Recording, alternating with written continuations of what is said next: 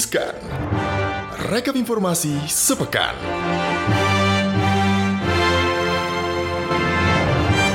Halo Sobat Cuan. Hai Sobat Cuan yang paling kami sayangi. Betul, kita sa- ah, saking sayangnya kita ya Gip ya. Libur-libur begini ya. kita tetap informasi di Riskan Rekap Informasi Sepekan. Jadi Gibran dari rumah ya Gib ya. Mhm, benar Dari banget. rumah nih Sobat Cuan dan kita berharap. Sobat Cuan juga ada di rumah atau kalau misalnya lagi liburan bareng keluarga gitu ya ke rumah saudara atau gimana please tetap terapkan protokol kesehatan gitu ya kalau bisa Benar banget. Ya. Harus tetap patuhi protokol kesehatan Sobat Cuan karena Mm-mm. gue aja nih sama Ali tetap di rumah masing-masing nggak nggak ke mana-mana gitu walaupun kita libur long weekend gitu. Tapi sebelumnya Mhm. juga kita mau ucapin nih selamat Natal bagi Sobat Cuan yang merayakan ya. Iya, mm-mm. selamat Natal Sobat Cuan ya. Semoga Oke, semoga cuan terus. semoga cuan terus dan damai Natal ada di bumi ini begitu ya Sobat Cuan ya. Tapi Amin. Gibran ini kayaknya ada yang mengusik kedamaian kita semua. Sayang sekali Mhm. ya harus dibuka dengan berita yang agak menakutkan dan bisa dibilangnya agak berita negatif ya. Karena kita apa tuh? Kita tahu dan mungkin Sobat Cuan udah denger-denger juga nih dari sosmed atau dari grup WhatsApp keluarga. Jadi Wih. ada eh, ini ya, apa mutasi baru virus COVID-19 yang ini asalnya dari Inggris. Kalau COVID yang dulu itu dari Wuhan ya, bahasanya mungkin bahasa Mandarin, yang ini bahasanya Mhm. bahasa Inggris. Jadi mungkin Anda bisa mem- Logat-logat mengerti. British gitu gitu, kan. kayaknya ya.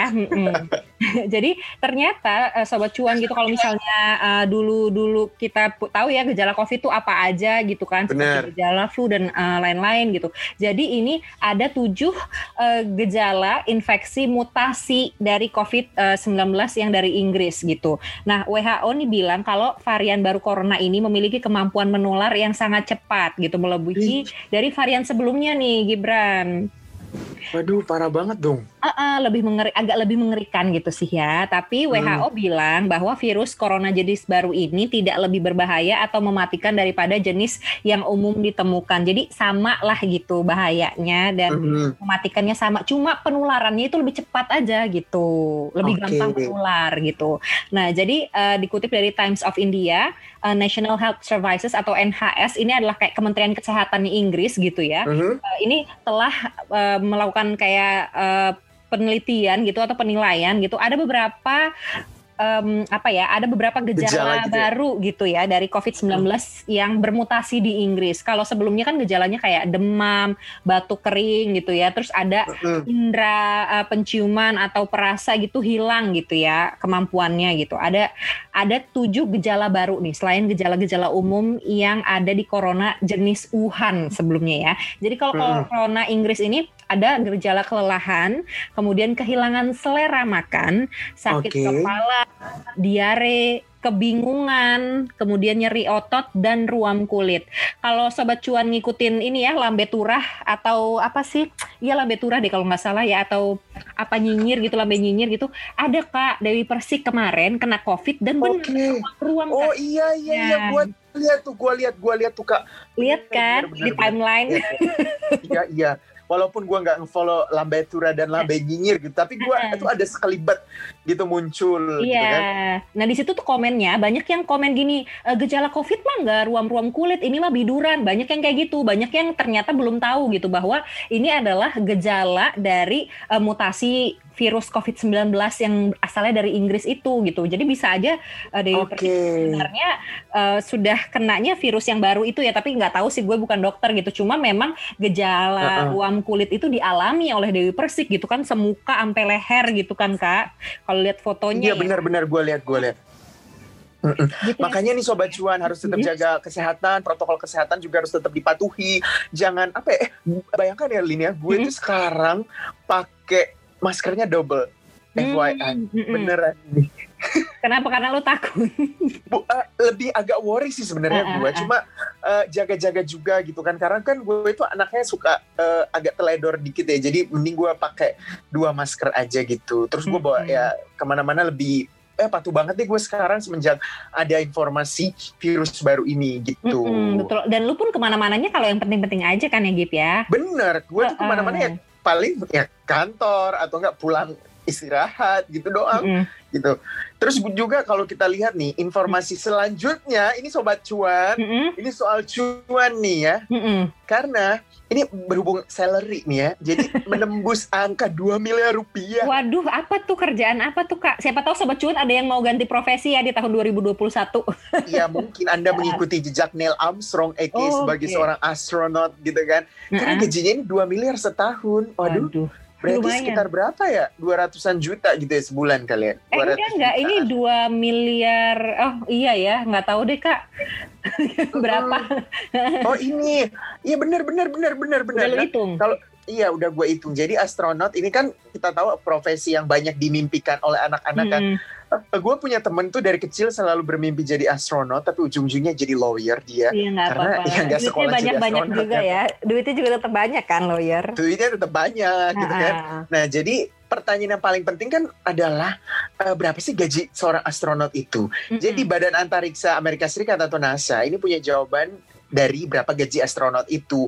Di astronot NASA digaji berdasarkan tingkatannya yang mengacu pada the Federal Government General Schedule atau GS. Jadi Mm-mm. sistem ini ada 15 tingkatan ternyata. Dari ada levelnya rendah- karirnya ya kak ya. ada Hmm. gitu kan jadi GS1 sampai dengan GS15 gitu kan kalau GS1 sampai GS4 atau GS4 itu biasanya di level magang wah ada Oh. juga astronot magang Gajinya kayaknya ini cuma uang makan doang ya kak ya kalau level kayaknya magang ya. Ya eh, eh, kalau PNS ini baru ini apa namanya Apa baru 80 persen.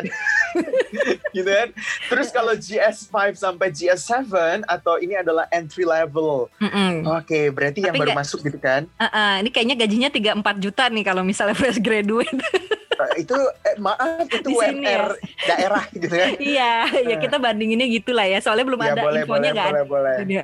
Terus GS8 dan GS12 yang level menengah itu 911,96 juta per Rupiah. tahun Ah, ah, Rupiah itu ya, per rupiah. tahun. Mm. atau 65 ribu US dollar lah ya. Mm-mm. Nah kalau GS eh, 13 itu gajinya 1,41 miliar per tahun. Oke, atau 100 ribu 701 US dollar. Mm-mm. Nah yang paling atas GS 14 sampai 15 itu gajinya 2 miliar per tahun cuy. Mm-mm. Yang kata lu Oke, tadi baik. kalau per bulan berapa? 200 juta ya? Apa? 200 jutaan paling atau 190-an lah ya. Berarti mendingan ini Kak, jadi anggota DPRD DKI Jakarta daripada jadi astronot. Lebih gede Benar Kak. juga. 600 Tapi juta sebulan Kak. kayaknya pride-nya lebih bagus astronot ya gue. Kalau gue ya.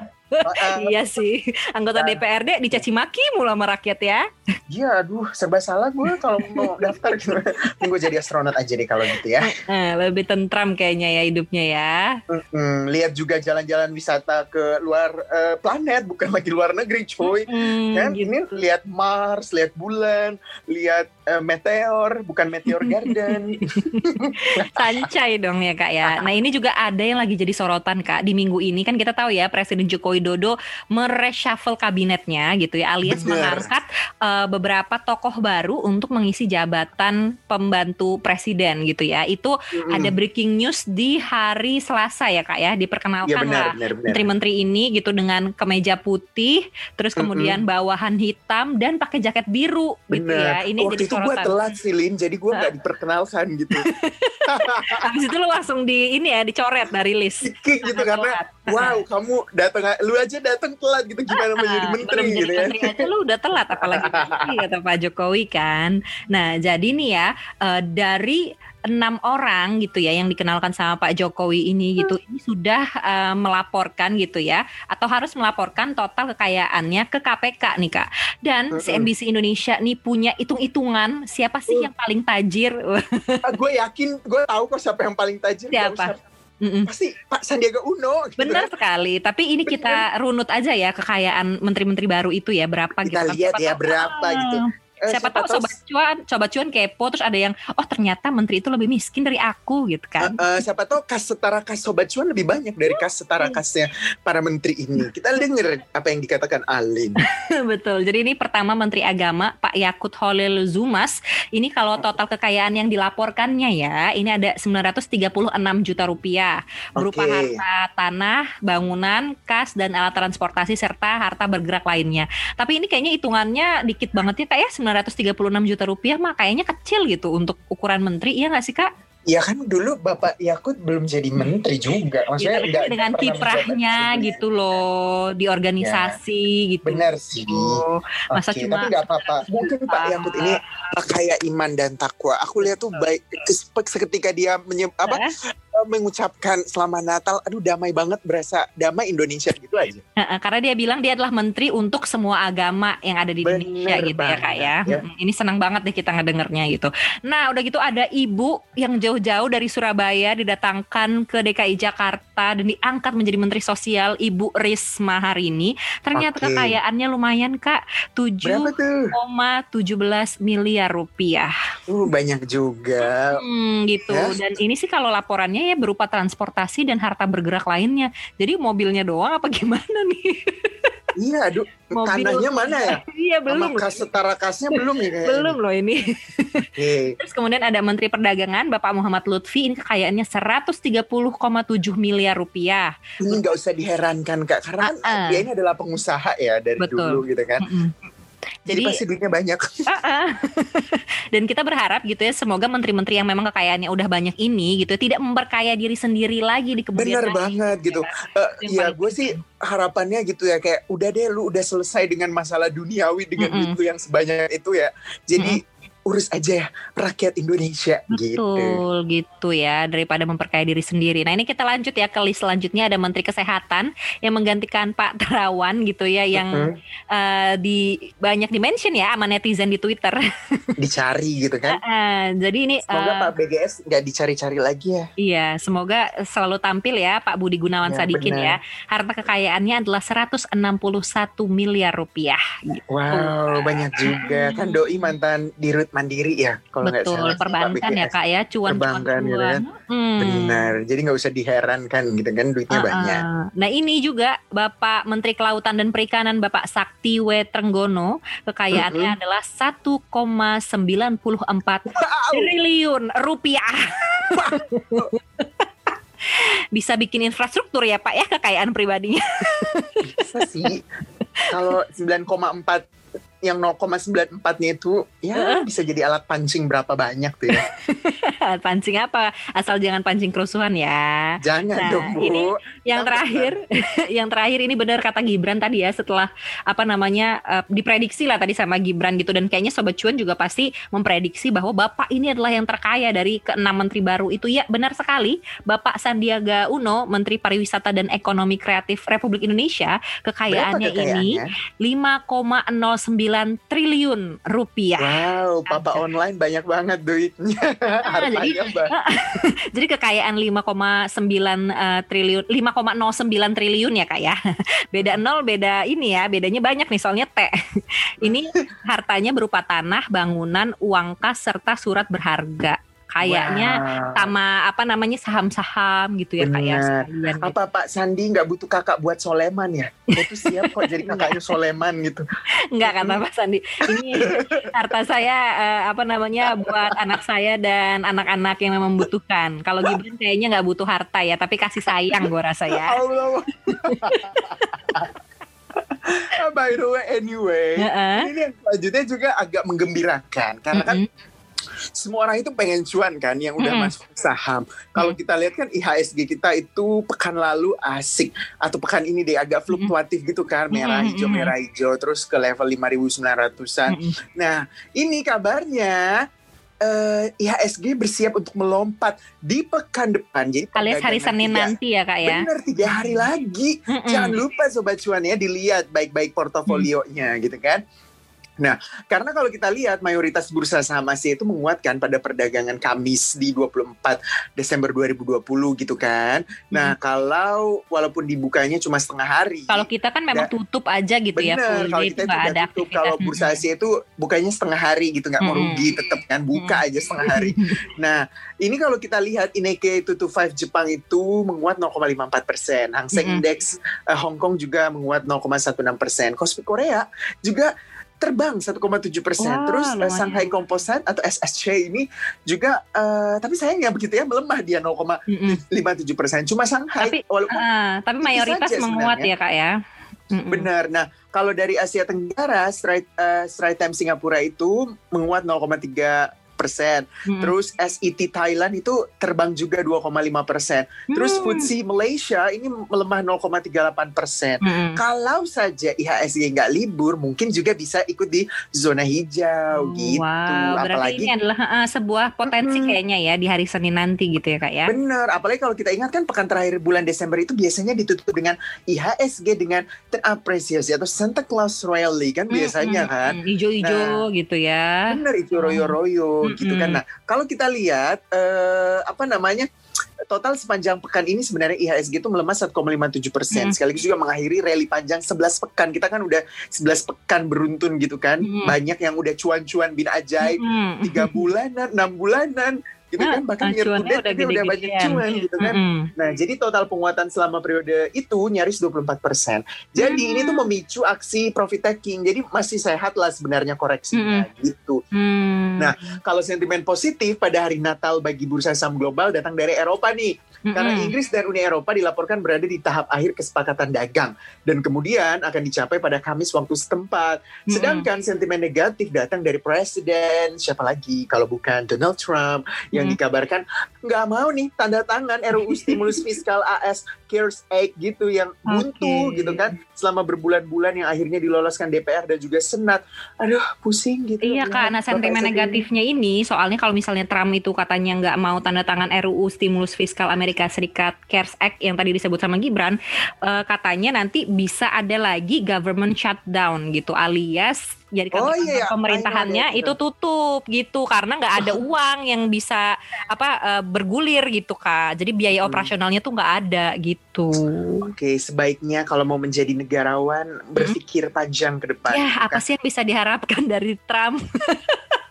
Iya, saya sih mengharapkan dia. ya di penghujung akhir dia gitu kan. Ah, ah, Dikit lagi mau lengser gitu. Ya, Jangan macem-macem gitu ya. Kalau bisa. berbuat menjadi negarawan lah karena situasinya lagi lagi sulit gitu kan apalagi bagi Betul. Amerika negara besar ekonominya Mm. juga besar butuh duit butuh Mm. stimulus Betul. eh, buat rakyatnya yang banyak pengangguran juga gitu kan Mm, gitu ya dan juga apa namanya covidnya juga nomor satu di dunia ya kak ya dan Mm. juga di Indonesia ini ya walaupun nomor satu di dunia ini saat ini kasus covid adalah Amerika Serikat tapi kita di Indonesia nggak boleh lengah sobat cuan karena kasus covid-19 di Indonesia itu sudah melewati angka 700 ribu jiwa Astagfirullahaladzim banyak banget Hmm, jadi Satgas Penanganan COVID-19 ini melaporkan data terkini penanganan COVID-19 di Indonesia. Kalau data per 25 Desember 2020, 2020 ya hari ini siang tadi gitu ya, ada penambahan 7.259 kasus konfirmasi positif COVID-19 ini kalau dibandingin kemarin. Nah, jadi totalnya kasus yang terkonfirmasi positif COVID-19 di Indonesia itu tembus 700 ribu atau angka tepatnya adalah 700 ribu 097 kasus dengan Wow. jumlah pasien sembuhnya itu ada 570.304 jiwa dan meninggal sebanyak 20.847 orang, Kak. Jadi Oke. masih seberbahaya itu sobat cuan ya. Dan ada enam daerah dengan kasus terbesar. Pertama tentu saja ibu kota DKI Jakarta, kemudian Jawa Barat, Sulawesi Selatan, Jawa kampung Timur. gua tuh Mm-mm. Hati-hati kak ya bilang keluarga di kampung ya kak ya. iya makanya ibu saya itu saya suruh di rumah aja Di rumah aja jangan ke mana-mana. Walaupun long gatal ya. kakinya mau jalan-jalan kalau mau makan pesan pakai ojek online atau enggak masak sendiri di rumah jangan gatal ke mana-mana kakinya Heeh. Tuh. Kemudian ada Jawa Timur, Jawa Tengah dan Kalimantan Timur. Nah, zaman Benar. sekarang tuh kayaknya kita ya yang anak-anak gitu yang lebih waspada atau lebih khawatir ke orang tua. Kalau dulu kan orang tua yang sering pesen ya kayak eh anak-anak jangan main keluar ya gitu. Udah malam Mm-mm. gitu. Sekarang yang anak-anak yang ngomong ibu-ibu, bapak-bapak jangan pergi Iya. ke mana-mana di rumah aja. sekarang kayaknya kita harus lebih eh, antisipasi orang tua kita juga sih Betul. karena kan baiknya eh, kita sebagai anak muda yang lebih Mm-mm. tahu gitu kan gimana kondisinya nggak juga lebih tahu sih tapi maksudnya kita yang tahu gitu kondisi realnya harus lebih mewaspadai gimana Betul. sih biar semua satu keluarga kita itu lebih terjamin Betul, karena juga kan orang-orang tua kita gitu itu lebih rentan gitu ya kalau dari segi imunitas gitu ya Gibran ya. Jadi Bener. eh, kita sobat cuan yang mungkin masih di usia produktif atau masih di usia muda gitu ya, kita harus menjaga orang tua kita dengan cara menjaga diri kita juga. Kalau misalnya nggak perlu-perlu amat nongkrong, nggak usah nongkrong. Mm-mm. Ya eh, by the sih? way Lin, Hah? eh, ibu gue tuh dulu eh, nggak mau banget rapid atau nggak antigen atau nggak swab. Tapi dengan kekuatan bulan gue suruh harus swab, harus gitu Nurut Karena dia jadinya. Ih, nurut mau nggak mau gitu kan walaupun minta duit gue gitu nggak apa-apa Lu yang modalin ya jadinya ya kak ya.